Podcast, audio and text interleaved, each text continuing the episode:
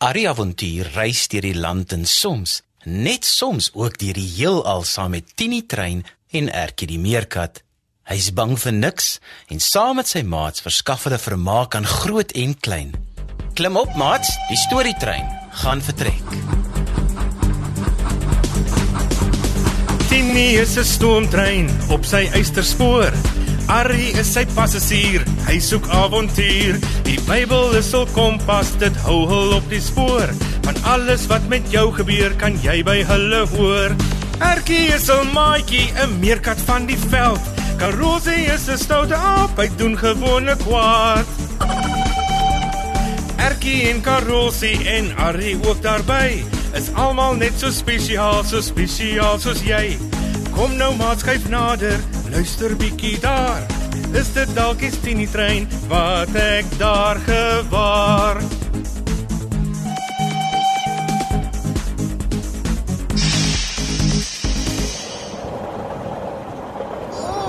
Ai nou, toegie. Oi nou, toegie. O, gaan hy oukei wees, Arrie?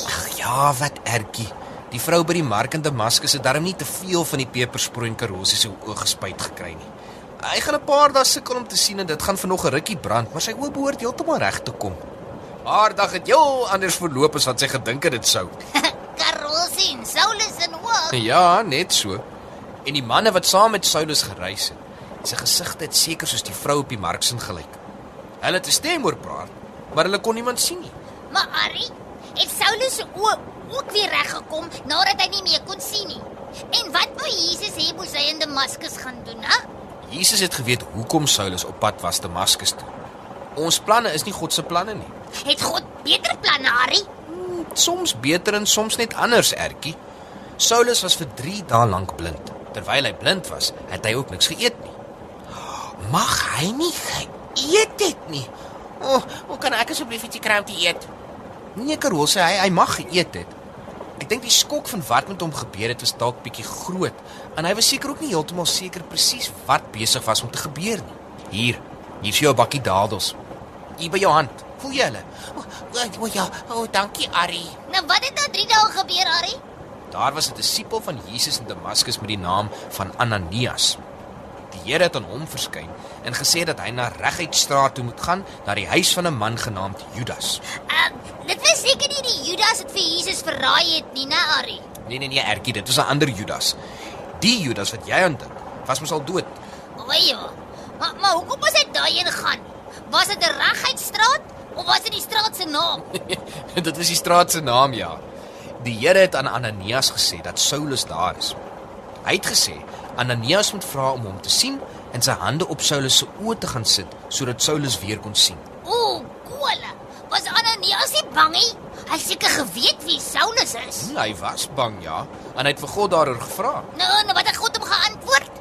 Die Here het geantwoord: Hy is my dienskneg wat ek gekies het om onder die heidene, selfs voor konings en onder die kinders van Israel vir my 'n getuie te wees. Ek sal hom wys hoeveel hy ter wille van my naam sal moet ly.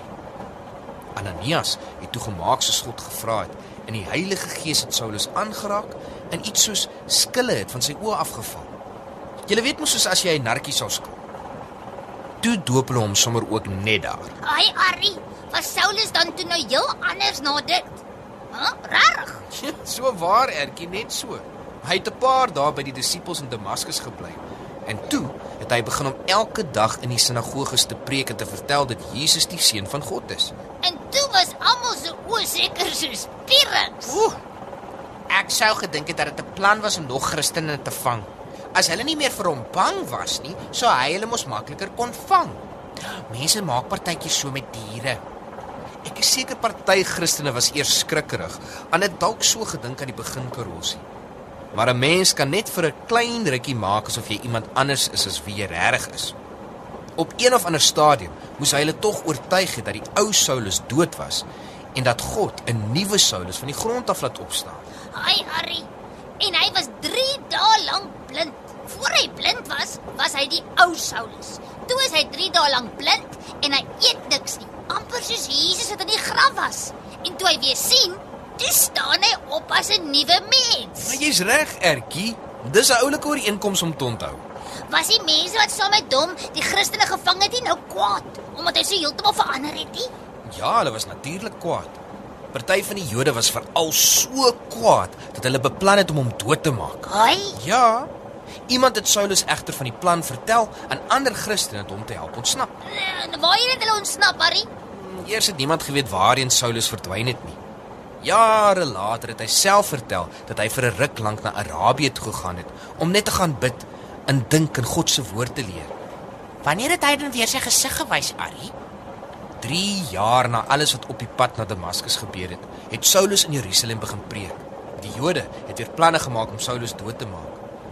Die keer het die Christene Saulus oorreed om na Caesarea weg te gaan en vir 'n rukkie in Tarsus ook te gaan bly. Nou Tarsus is waar Saulus groot geword het. Ek kan nie gaan na waar ek groot geword het nie. Dis daar waar die ander ape my wil vang. Maar dis hulle harte wat moet verander. Ja.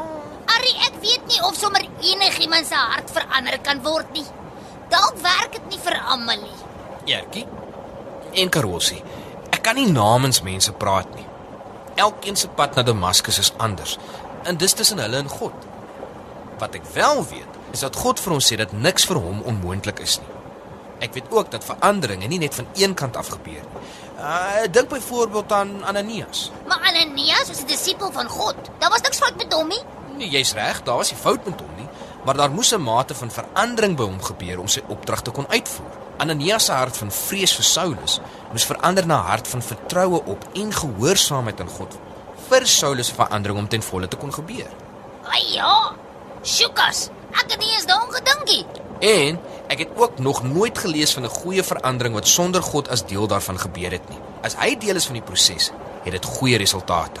As jy dit alleen aanpak, slaag dit gewoonlik nie. Waarheen gaan ons volgende, Harry?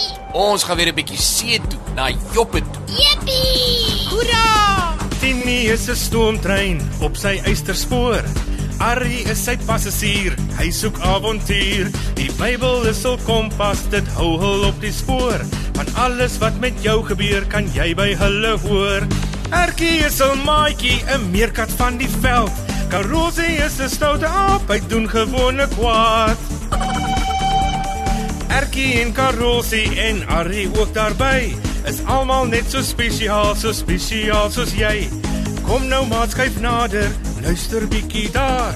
Is dit dalk die Tini trein wat ek daar gewaar? Die avonture van Arrie en Erkie is geskryf deur Elsie Stander. Dit word opgevoer onder spelleiding van Lazelle de Bruin, tegnies versorg deur Neil Roo en vervaar deur Worldwide Media.